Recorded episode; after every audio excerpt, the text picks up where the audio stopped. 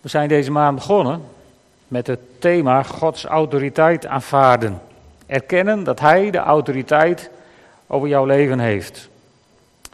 Daarna hebben we stilgestaan bij het feit dat wij ons Gods autoriteit niet mogen toe-eigenen. En die ook niet aan anderen mogen toekennen. En Wilma heeft vervolgens gesproken over het doen wat God zegt, het luisteren naar zijn stem en daar vervolgens gehoorzaam aan zijn. En vandaag wil ik met jullie stilstaan bij leven in Gods autoriteit. Het opstaan in het gezag dat je van God hebt gekregen. En dat kan overigens alleen maar door zijn gezag volledig te aanvaarden. Laten we even een paar dingen uit de Bijbel bekijken. God gaf de mens gezag om dingen te doen waarvoor God de mens had bedoeld. In Genesis 1, vers 28, daar staat: Hij zegende hen en zei tegen hen: Wees vruchtbaar en word talrijk. Bevolk de aarde en breng haar onder je gezag. Heers over de vissen van de zee, over de vogels van de hemel en over alle dieren die op de aarde rondkruipen. Dus daarvoor plaatste God de mens op deze aarde en hij gaf de mens gezag. En ook Jezus, die schroomde niet om zijn discipelen gezag te geven. Een aantal keren lezen we in, in de evangeliën, onder andere Matthäus 10, vers 1, waar staat dat Jezus de twaalf leerlingen bij zich riep en hij gaf hun macht om onreine geesten uit te drijven en iedere ziekte en elke kwaal te genezen. We krijgen echter nooit zomaar vrijblijvend gezag. Het is gedelegeerd gezag. Wat betekent dat degene die gezag krijgt ook onder gezag staat. En de Romeinse hoofdman die Jezus ontmoet in Matthäus 8, vers 9, die heeft dat heel goed begrepen. Die zegt tegen Jezus: Ook ik ben iemand die onder andermans gezag staat en zelf weer soldaten onder zich heeft. En als ik tegen één soldaat zeg ga, dan gaat hij, en tegen een andere kom, dan komt hij. En als ik tegen mijn dienaar zeg doe dit, dan doet hij het. En Jezus zelf, die, eh, als hij naar de hemel gaat, geeft hij zijn leerlingen gezag om de dingen te doen die hij hen zou opdragen. En hij maakt dat onder andere duidelijk in een gelijkenis in Marcus 13, vers 34, waar hij zegt: Het koninkrijk van God heeft hij het dan over. Het koninkrijk van God, dat lijkt op een man die op reis ging. Op Jezus die de aarde verliet naar de hemel totdat hij terug zal komen op de wolken. Hij verliet zijn huis, de aarde, droeg het beheer over aan zijn dienaren, zijn leerlingen, zijn discipelen, die elk een eigen taak kregen. En de deurwachter gaf hij opdracht om de wacht te houden. We staan dus onder gezag en we hebben van God een geestelijke autoriteit gekregen. En onze geestelijke autoriteit kan alleen werkzaam zijn als we ons volledig onder Gods autoriteit willen stellen en willen doen wat Hij ons opdraagt. Iemand die daar heel mooi over schrijft is Watchman Nee. In zijn boek Het normale christelijke leven, daar legt hij vier fases uit in het leven van een christen. Hij zegt ten eerste moeten we weten dat wij met Christus gekruisigd zijn. Ten tweede moet het voor ons vaststaan dat wij dood zijn voor de zonde, maar levend in Christus. Ten derde moeten we ons in dienst van God stellen. En de vierde stap is dat we dan moeten wandelen in de geest. En ik wil vandaag met jullie stilstaan bij dat derde punt, het ons in dienst van God stellen. En ik wil met jullie lezen uit Romeinen 6, vers 12 tot 19. Romeinen 6, vers 12 tot 19. Die heb ik niet helemaal in de projectie gezet. Dus die mag u uit uw eigen Bijbel even meelezen. Hebt u die ook niet van niks meegebracht? Dat is ook sneu. Romeinen 6, vers 12 tot 19. Daar schrijft Paulus het volgende. Laat de zonde dus niet heersen over uw sterfelijke bestaan. Geef niet toe aan uw begeerten. Stel uzelf niet langer in dienst van de zonde als een werktuig voor het onrecht, maar stel uzelf in dienst van God. Denk aan uzelf als levenden die uit de dood zijn opgewekt en stel uzelf in dienst van God als een werktuig voor de gerechtigheid. De zonde mag niet langer over u heersen, want u staat niet onder de wet, maar leeft onder de genade. Interessante opmerking, dat de zonde kennelijk over je kan heersen als je onder de wet staat en niet meer als je onder de genade leeft. Betekent dit nu dat we vrijuit mogen zondigen omdat we niet onder de wet staan, maar onder de genade leven? Absoluut niet. Als je de genade één keer hebt ervaren, de liefde van God een keer hebt geproefd, dan wil je helemaal geen dingen meer doen waar je God pijn mee doet, waar je God verdriet mee doet. Dus dit is eigenlijk een absurde vraag, blijkt ook uit de reactie die Paulus daarop geeft. Vers 16, wanneer, hij, wanneer u zich als slaaf in iemands dienst stelt, weet u toch dat u hem moet gehoorzamen? Wanneer u de zonde dient, leidt dat tot de dood. Wanneer u God gehoorzaamt, leidt dat tot vrijspraak. Maar God zij dank, u was slaven van de zonde, maar nu gehoorzaamt u van ganser harte de leer waaraan u zich hebt toevertrouwd. En bevrijd van de zonde, hebt u zich in dienst gesteld van de gerechtigheid. Ik druk me zo gewoon mogelijk uit, omdat het anders uw begrip te boven gaat. Zoals u zich ooit in dienst stelde van zedeloosheid en onrecht om een wetteloos leven te leiden, zo stelt u zich nu in dienst van de gerechtigheid om heilig te leven. In dit stuk komt het in dienst stellen drie keer aan de orde.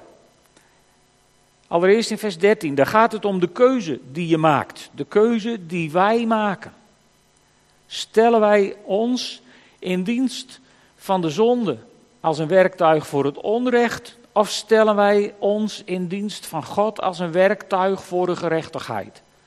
Dat is niet een kwestie van heel hard werken, dat is een kwestie van één keer kiezen wie je wilt dienen. Eigenlijk wat Jozua ook tegen het volk Israël zegt: Ik en mijn huis, wij zullen de Heeren dienen. Kies dan heden wie jullie dienen willen. Dat is een keuze. En als je die keuze hebt gemaakt, dan wijst Paulus ons in vers 16 op de consequenties van die keuze. Als je je in, als slaaf in iemands dienst stelt, weet je toch dat je hem moet gehoorzamen. Met andere woorden, als je gekozen hebt om je in dienst van God te stellen, moet je God gehoorzamen. En als je gekozen hebt om je in dienst van de tegenstanders, de andere machten in het universum te stellen, dan ben je gebonden aan gehoorzaamheid aan hen. Maar het blijft jouw keuze. In wiens dienst wil je staan? En dan in vers 19 concludeert Paulus dat de Romeinen de juiste keuze hebben gemaakt. En hij ligt de gevolgen daarvan toe. Hij zegt: Eerst waren jullie in dienst van het onrecht om wetteloos te leven. Nu zijn jullie in dienst van de gerechtigheid om heilig te leven. En nu komen we in de problemen. Die heiliging. Ik wil met jullie bij drie dingen even stilstaan. Ik wil het even hebben over onze redding. Ik wil het heel even hebben over onze verheerlijking. En dan even over de heiliging. Maar die zet ik eerst even op zijn plek tussen die twee.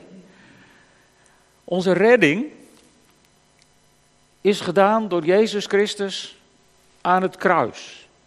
Daar hebben wij niets 0,0 aan bijgedragen.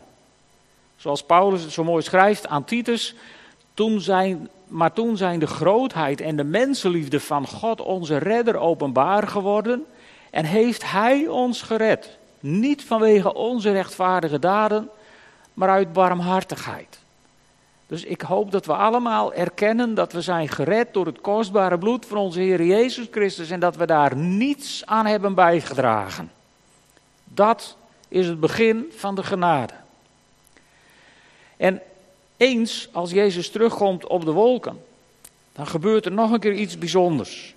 Dat staat bijvoorbeeld in 1 Korinthe 15, waar staat dat Paulus zegt: Ik zal u een geheim onthullen.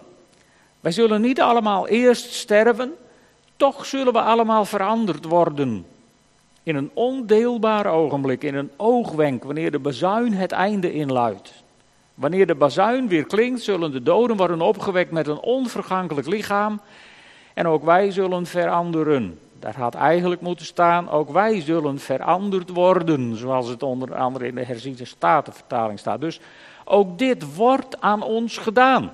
Aan onze verheerlijking dragen wij niets bij. Het is een ultieme actie van God.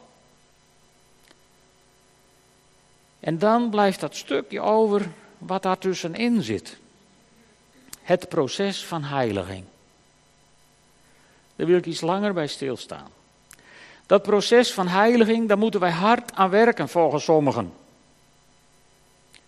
Mensen komen tot geloof door het aanbod van gratis genade, betaald met het kostbare bloed van het lam. En daarna krijgen ze het onmogelijke juk opgelegd van de levensheiliging. Veel zondaren proberen hun hele leven lang al zich te verbeteren. En als ze dan eindelijk de boodschap krijgen dat er verlossing is van deze onmogelijke opgave, omarmen ze die verlossing omdat ze zo moe zijn van het zwoegen. En dan ontdekken ze dat ze een nog zwaardere last opgelegd krijgen, omdat ze moeten voldoen aan nog hogere normen en haken ze teleurgesteld weer af. Wij hebben onszelf niet verlost. En wij zullen onszelf in een ondeelbaar ogenblik niet veranderen. En we moeten voor eens en voor altijd goed begrijpen dat het tussenstuk van de levensheiliging voor ons net zo'n onmogelijke opgave is dan die andere twee. En zolang we het zelf proberen, proberen we de oude mens met zijn talenten te heiligen. Maar die oude mens is immers dood, hebben we net gelezen. En wat dood is, valt niet meer te heiligen.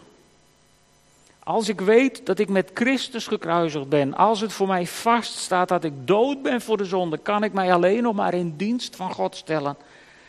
Als iemand die dood geweest is, maar nu weer leeft. Zoals Paulus schrijft in Romeinen 6, vers 18: Bevrijd van de zonde hebben wij ons in dienst gesteld van de gerechtigheid. Een voorbeeld van het heiligen van die oude mens vinden we in het leven van Petrus. Petrus die, die eerst uitgaat van zijn eigen kunnen en zijn eigen, zijn eigen talenten. In Matthäus 17 staat een heel mooi verhaal. Matthäus 17 vanaf vers 1 lees ik het even. Zes dagen later nam Jezus Petrus, Jacobus en die broer, diens broer Johannes met zich mee een hoge berg op waar ze alleen waren. Voor hun ogen veranderde je moet eigenlijk even proberen dit even, even, je even in te beelden. Dit even voor je ogen te zien wat er gebeurt. En, en misschien je ziel even te laten voelen wat dat met een mens gedaan zou hebben. Stel je voor, je heet Petrus, Johannes of Jacobus en, en je gaat met Jezus een berg op waar je alleen bent en voor hun ogen veranderde hij van gedaante. Zijn gezicht straalde als de zon en zijn kleren werden wit als licht. Stel je even voor, dat zie je voor je ogen gebeuren. En alsof het nog niet genoeg is, zie je plotseling Mozes en Elia met Jezus in gesprek. En daar ben jij bij. Levend ben je erbij. En dan spreek je de historische woorden: Heer, het is goed dat ik hier ben. Die moet je eigenlijk even heel diep op je laten inwerken. Wat voor absurde reactie dit is. Je ziet het heiligste van het heiligste van het heiligste. En wij zullen dat nooit zo goed begrijpen als deze drie Joodse jongens die erbij waren. Want die waren opgevoed in de Torah. En die wisten van als de Messias komt, dan zullen Mozes en Elia ook verschijnen. Dat zien ze. Ze zien de vervulling van de Torah voor hun eigen ogen. En dan zegt Petrus, nou u treft het dat ik hier ben, heer. Wij zullen even een patent bouwen, want deze houden we erin.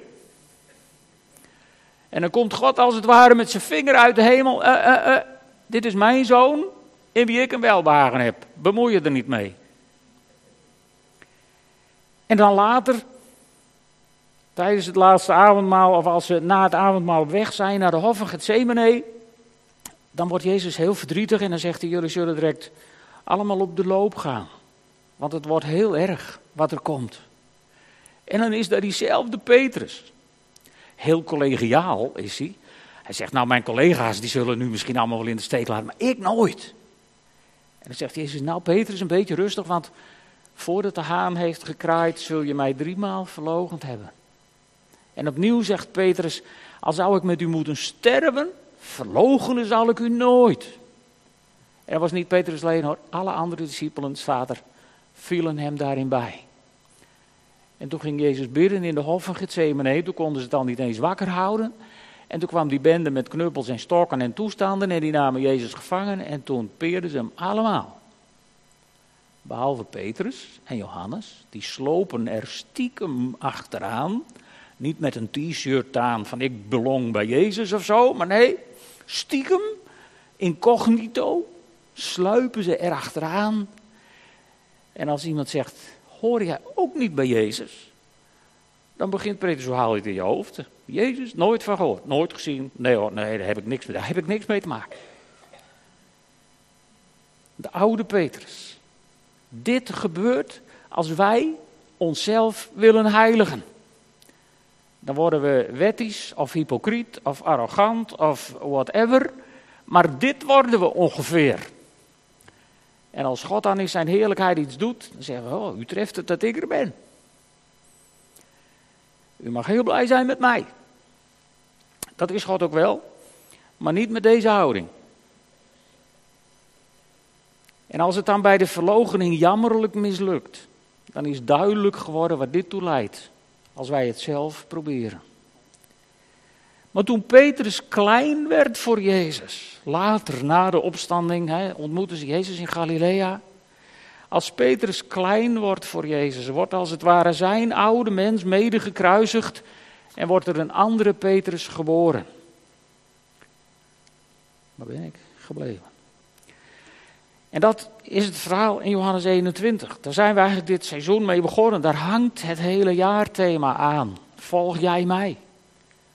Toen ze gegeten hadden, sprak Jezus Simon Petrus aan, Simon, zoon van Johannes. Heb je mij lief meer dan de anderen hier? Hij had toch gezegd, mijn collega's zullen nu misschien allemaal in de steek laten, maar ik nooit. En dan zegt Jezus, hou jij echt meer van mij dan je, je collega's? En Petrus ontwijkt het antwoord. Hij zegt, hier staat, ja heer, u weet dat ik van u houd. Maar eigenlijk zegt Petrus, heer, u weet het. Dan krijgt hij van Jezus de opdracht, wij het mij lammeren. En meteen vraagt Jezus eroverheen, Simon, zoon van Johannes, heb je mij lief? En opnieuw antwoordt Petrus, ja heer, u weet het. En Jezus zegt, goed, mijn schapen. En voor de derde maal vroeg hij hem, Simon, zoon van Johannes, hou je van me? Het is heel opvallend dat hier een ander Grieks woord ineens wordt gebruikt. Twee keer heeft Jezus aan Petrus gevraagd of hij hem lief heeft met de liefde agape. Heb je dus belangeloos alles voor me over? En nu de derde keer gebruikt Jezus het woord filio. En, en veel, veel bijbelgeleerden doen dat af als een soort mindere vraag. Maar ik denk dat dit een, een, een vraag is die een stapje hoger ligt. Jezus vraagt niet aan Petrus, heb je belangeloos echt alles voor mij over? Maar hij vraagt aan Petrus, zou je mijn vriend willen zijn? Hou je zo van me? Ben je ook een vriend van mij? Wauw. Stel je voor dat Jezus. Wij, wij, wij zijn allemaal kerkelijk, tenminste heel veel van ons, denk ik, zijn kerkelijk geboren en opgegroeid en opgevoed. En geïndoctrineerd hier en daar een beetje. En, en dat, dat, die agape, ja, dat, dat weten we wel. Je moet, je moet alles voor de kerk over hebben. Alles, nee, natuurlijk niet. Je moet alles voor de Heer over hebben maar ondertussen voor de kerk. Maar zijn wij echt opgevoed met het feit dat Jezus zegt: Zou je mijn vriend willen zijn? Zou je heel even hier in mijn armen willen komen en even, even, even, heel even met mij willen knuffelen? Zou je, zou je mijn vriend willen zijn? Zouden we, zou, zou dat ook, weet je, hoe dat vroeger, ik weet niet hoe dat bij jullie was, maar, maar dan was je uit school en dan was je smiddags aan het spelen en dan was er altijd wel voor ons als jongetjes, een jongetje toen nog, waar je wat mee had, waar je een klik mee had, waar je, waar je gewoon heel leuk mee kon spelen. En dan vroeg je, zullen wij vrienden zijn? Of vriendjes, zeiden we toen nog. Dat is als het ware wat Jezus hier vraagt. Aan Petrus, zullen wij vriendjes zijn? Wauw. Man, wat een vraag. Hij wil met jou net iets meer dan met al die anderen. Wat je niet weet, is dat hij dat met al die anderen ook wil, maar dat doet er nu even niet toe. Hij zegt, zullen wij vriendjes zijn? Zullen wij, zullen wij naar een intiemer niveau met elkaar, waarin we ons hart met elkaar delen, onze dromen samen delen, zullen wij dan wordt Petrus verdrietig, want dit ontroert hem. En, en bovendien is hij eigenlijk teleurgesteld dat het hem al voor de derde keer wordt gevraagd. Maar hij weet dat hij Jezus drie keer heeft verlogend. Eigenlijk is dit, dit ook genade. Drie keer heeft hij Jezus verlogend. Drie keer krijgt hij de kans om te beleiden dat hij van Jezus houdt. En zo wordt de balans vereffend. En dan uh, zegt Jezus waarachtig, ik verzeker je. Toen je jong was, deed je zelf je gordel om en ging je waarheen je wilde. Maar wanneer je oud wordt, zal een ander je handen grijpen, je je gordel omdoen en je brengen waar je niet naartoe wilt. Ik ben bereid voor u te sterven, had hij gezegd. En dus deze, daar hou ik je aan. En na deze woorden duidde hij aan hoe Petrus zou sterven tot eer van God. En daarna zei hij, volg mij. Toen Petrus zich omdraaide, zag hij dat de leerling van wie Jezus hield, Johannes dus, hen volgde. De leerling die zich tijdens de maaltijd naar Jezus toegebogen had om te vragen wie het was die hem zou verraden. En toen Petrus hem zag, vroeg hij Jezus, en wat gebeurt er met hem, heer? Even, even staat die oude Petrus weer op. Weet je, dit is, dit is een lastig probleem wat we misschien nooit helemaal zullen begrijpen. Als het gaat over dat wij mede gekruisigd zijn met Christus. Dat we zijn gestorven en in een nieuw leven weer zijn opgestaan. Nou, jullie hebben daar misschien geen last van. Maar de oude Willem, dat is een wegje bij Diever, maar de oude Willem, die, die heeft meer levens dan een kat. Die doet het met negen, maar die van mij doet het veel vaker. Die oude Willem, die komt elke keer, komt hij weer over zijn hele taaien. En misschien hebben jullie ook wel zo'n oude ik, die toch af en toe de kop even opsteekt. Waarvan je denkt, daar was hij weer. Ik dacht dat je dood was. Nee. Dat snappen we nooit helemaal. Dat ga ik ook niet proberen nu te ontdekken. Maar even staat hier de oude Peters op. Wat gebeurt er met hem weer? Het is goed dat ik hier ben, ik zal even een tent bouwen. Nee, Jezus, uh, uh, dat gaat jou niet aan. Dat gaat jou niet aan. Het is niet jouw zaak of hij in leven blijft totdat ik kom, maar jij moet mij volgen. Toen stonden de andere discipelen op en die hebben de legende de wereld in geholpen dat Johannes niet zou sterven voordat Jezus terugkwam. Ja, die waren ook nog niet helemaal dood. Maar weet je, na deze opdracht, eigenlijk zegt Jezus hier tegen hem: luister eens, jij hebt gekozen in wiens dienst je je hebt gesteld. En daar wordt altijd het woord gebruikt wat te maken heeft met het Griekse woord doulos. Dus, dus als je zegt van ik heb mij in dienst van God gesteld, dan ben je geen medewerker met inspraak en een vakbond en een medezeggenschapsraad en een ondernemingsraad. Helaas niet. Je bent slaaf van Christus geworden. En dat snappen wij misschien ook niet helemaal, want zo hebben wij nooit in ons werkende leven gestaan. Maar dat betekent dat je niks te zeggen hebt. Er is één die je te zeggen heeft en dat is Hij. En als Hij tot je hart gaat spreken dat je bepaalde dingen moet doen, daar heeft Wilma vorige week prachtig over gesproken, dan moet je dat gewoon gaan doen. Dat is de bedoeling. En Jezus zegt, de ene slaaf gaat niet over de andere. De ene slaaf heeft zich niet te bemoeien met de andere, dat regel ik wel. Doe jij nou maar wat ik jou zeg. Volg jij mij. En dan zie je dat Petrus bereid is om voor Gods zaak te sterven. Ik weet niet of jullie die prachtige film kennen. Quo Vadis. Waar op een gegeven moment Petrus vlucht uit Rome. En dan ontmoet hij op zijn vlucht uit Rome, ontmoet hij Jezus. En dan zegt hij, quo vadis? Vraagt hij, waar gaat u naartoe, Heer? En dan zegt Jezus als het ware, nou jij bent aan het vluchten uit Rome, dus nu ga ik daarheen om te sterven. En dan keert Petrus zich om en dan gaat hij terug naar Rome. En daar zal hij vervolgens de dood vinden. Het zal wel op een legende gebaseerd zijn, maar ik vind het een prachtige film. Daar is Petrus bereid om te doen wat hij in de hof van Gethsemane had geroepen. Ik ben bereid voor u te sterven. Nu is hij het geworden.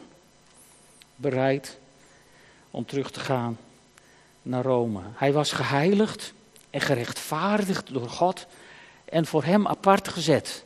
En dat is wat heiliging ten diepste betekent. Apart gezet voor God, uitgekozen door God om helemaal van hem te zijn.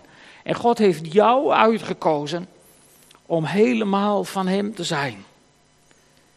Sterker nog, God heeft iedereen uitgekozen die in Jezus Christus is gestorven en begraven en in nieuwheid des levens is opgestaan.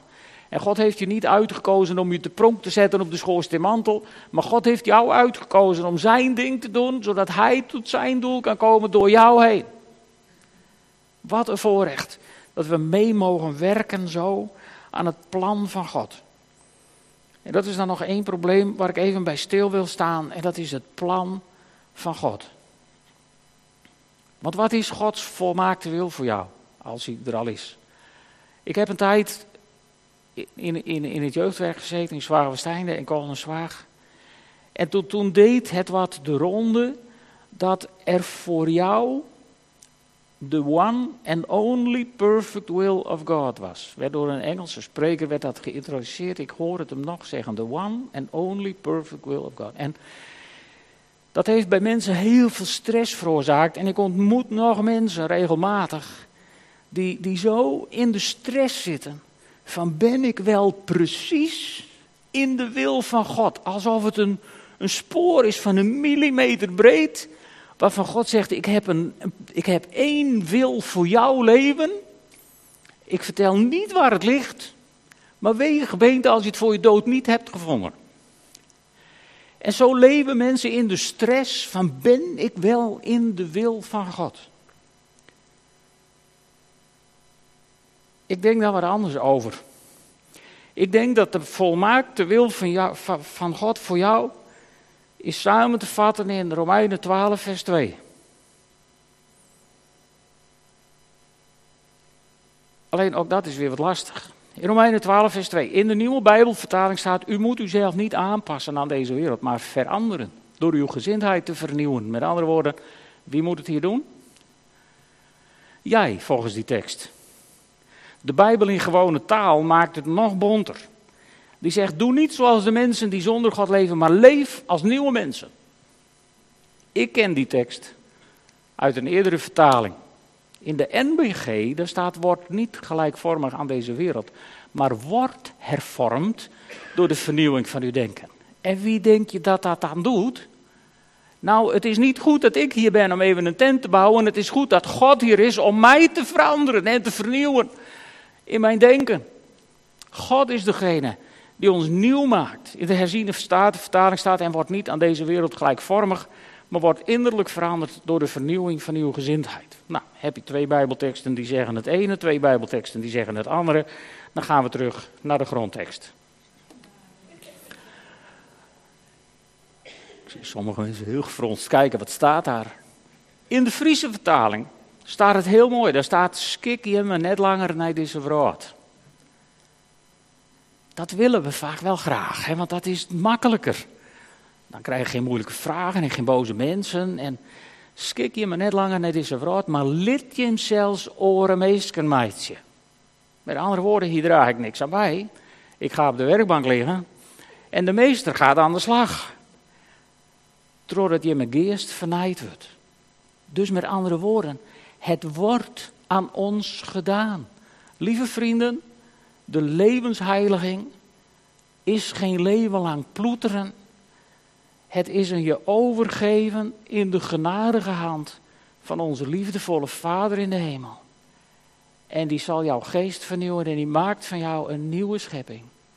En die zal je leiden door zijn heilige geest, zodat je kunt wandelen in de geest. En zodat je kunt ontdekken wat God wil voor jouw leven. Dus relax. Ga er even comfortabel bij zitten. Want je hoeft het niet zelf te doen. Je mag het ook niet meer zelf doen, want je bent namelijk niet meer van jezelf. Je bent gekocht. Misschien heb je dat gevoel eens gehad, ja, toen ik, toen ik Geertje ontmoette, toen was ik verkocht. Maar toen ik Jezus ontmoette, was ik ook verkocht. Nog letterlijker dan ik het zelf in de gaten had. Want in 1 Korinthe 6, vers 19 en 20, er staat: Al weet je niet dat je lichaam een tempel is van de Heilige Geest die in je woont en die je ontvangen hebt van God. En weet u niet dat u niet van uzelf bent? U bent gekocht en betaald. Dus bewijs God eer met uw lichaam. Wauw. Wauw. Dus niet meer ploeteren onder het juk van zelf doen, maar God eer bewijzen. Met andere woorden, God eer bewijzen betekent God aanbidden met heel je hart, met heel je ziel, met heel je verstand en met al je kracht. En dan kun je vanuit die liefde van God je naaste liefhebben als jezelf is helemaal niet zo moeilijk. Als je je met hart en ziel stort in de genade van God, ga je zoveel van je naaste houden. Want dan snap je ineens dat dat net zo'n arme ploeteraar is als jij geweest bent. En dan denk je, man, kom op. Zullen we samen naar het kruis van Jezus gaan? Zal ik voor je bidden? Zullen we samen onze brood en onze wijn delen? Zullen we samen Jezus ontmoeten? Want daar gebeuren toch dingen als je Jezus ontmoet. Weet je, dan ga je ontdekken dat je heiliger wordt gemaakt door Hem dan je uit jezelf ooit had kunnen worden. En dan mag je ook in je autoriteit gaan staan. Dan mag je ook gaan leven in Gods autoriteit. Als je dan mensen ontmoet die ziek zijn, dan kun je met ze meevoelen. En dan mag je vragen, joh, mag ik met je bidden? En dan mag je ze de handen opleggen, zelfs als je geen oudste bent. Stel je voor, wat een voorrecht, hè? Dan mag je mensen de handen opleggen en voor ze bidden. En als je mensen tegenkomt die worstelen met, met aanvallen van, van, van, van zondige gedachten of, of andere toestanden, dan mag je ook voor ze bidden. En dan mag je hen ook vertellen van, joh, ga staan in je autoriteit. Zeg tegen al die, die machten en die gevoelens en die dingen. Joh, ik ben gekocht en betaald door het kostbare bloed van Jezus Christus. Jij hebt geen recht in mijn leven. En werkt dat altijd? Nee. Waarom niet? Daar ben ik nog niet achter. Maar wat ik wel weet, is dat al die keren waarin ik het heb zien werken, die had ik voor geen goud willen missen. En daarom ga ik ermee door, zo oud als ik word. En ik daag je uit om dat ook te gaan doen. Ga leven in Gods autoriteit. Hij heeft het je toevertrouwd. En zolang je je veilig onder zijn autoriteit stelt, kan het nooit misgaan. Geniet ervan. Enjoy life. Geniet van het leven. Hij heeft je gered door het kostbare bloed van het lam. Hij zal je aan het eind van de rit verheerlijken door je een geweldig nieuw lichaam te geven en een eeuwigheid in zijn tegenwoordigheid. En dat lastige stuk van die levensheiliging daartussenin, spring op de werkbank en laat hem zijn gang gaan. Hij heeft geleerd voor Timmerman en hij maakt er iets prachtigs van. Dat beloof ik je. Mooier elke dag. Zullen we gaan staan en samen bidden. Vader in de hemel, wat hebben we vaak zelf geploeterd? Wat hebben we vaak geworsteld? Heer, wat hebben we daarin u toch ongelooflijk veel voor de voeten gelopen? Neem ons niet kwalijk, Heer. En geef ons de moed, geef ons het vertrouwen. Maak ons zo door uw Heilige Geest vol van uw liefde. Dat we zomaar bij u in de tandartsstoel komen liggen zonder angst. Heren, dan kunt u aan ons werken. Dan kunt u ons heiligen, dan kunt u ons ja, verheffen van heerlijkheid tot heerlijkheid tot heerlijkheid, totdat u komt. Heer God, vul ons zo met uw aanwezigheid. Laat zo uw Heilige Geest ons voller en voller en voller maken, zodat we niet een tempel van uw Heilige Geest zijn die leeg staat, maar een tempel van uw Heilige Geest die tot overvloeiend toegevuld is door uw aanwezigheid. Vader, en schenk ons dan de genade dat uw aanwezigheid en uw kracht en uw autoriteit in onze levens een zegen mag zijn voor andere mensen. Heren, zodat we een zegen zullen zijn voor onze omgeving, omdat we gezegend worden door u. Heer, schenk ons die genade. Dat bid ik van u in de naam van Jezus Christus, onze Heer en Heiland, die mij heeft verlost, die mij heiligt en die mij zal verheerlijken als Jezus terugkomt. Halleluja. Amen.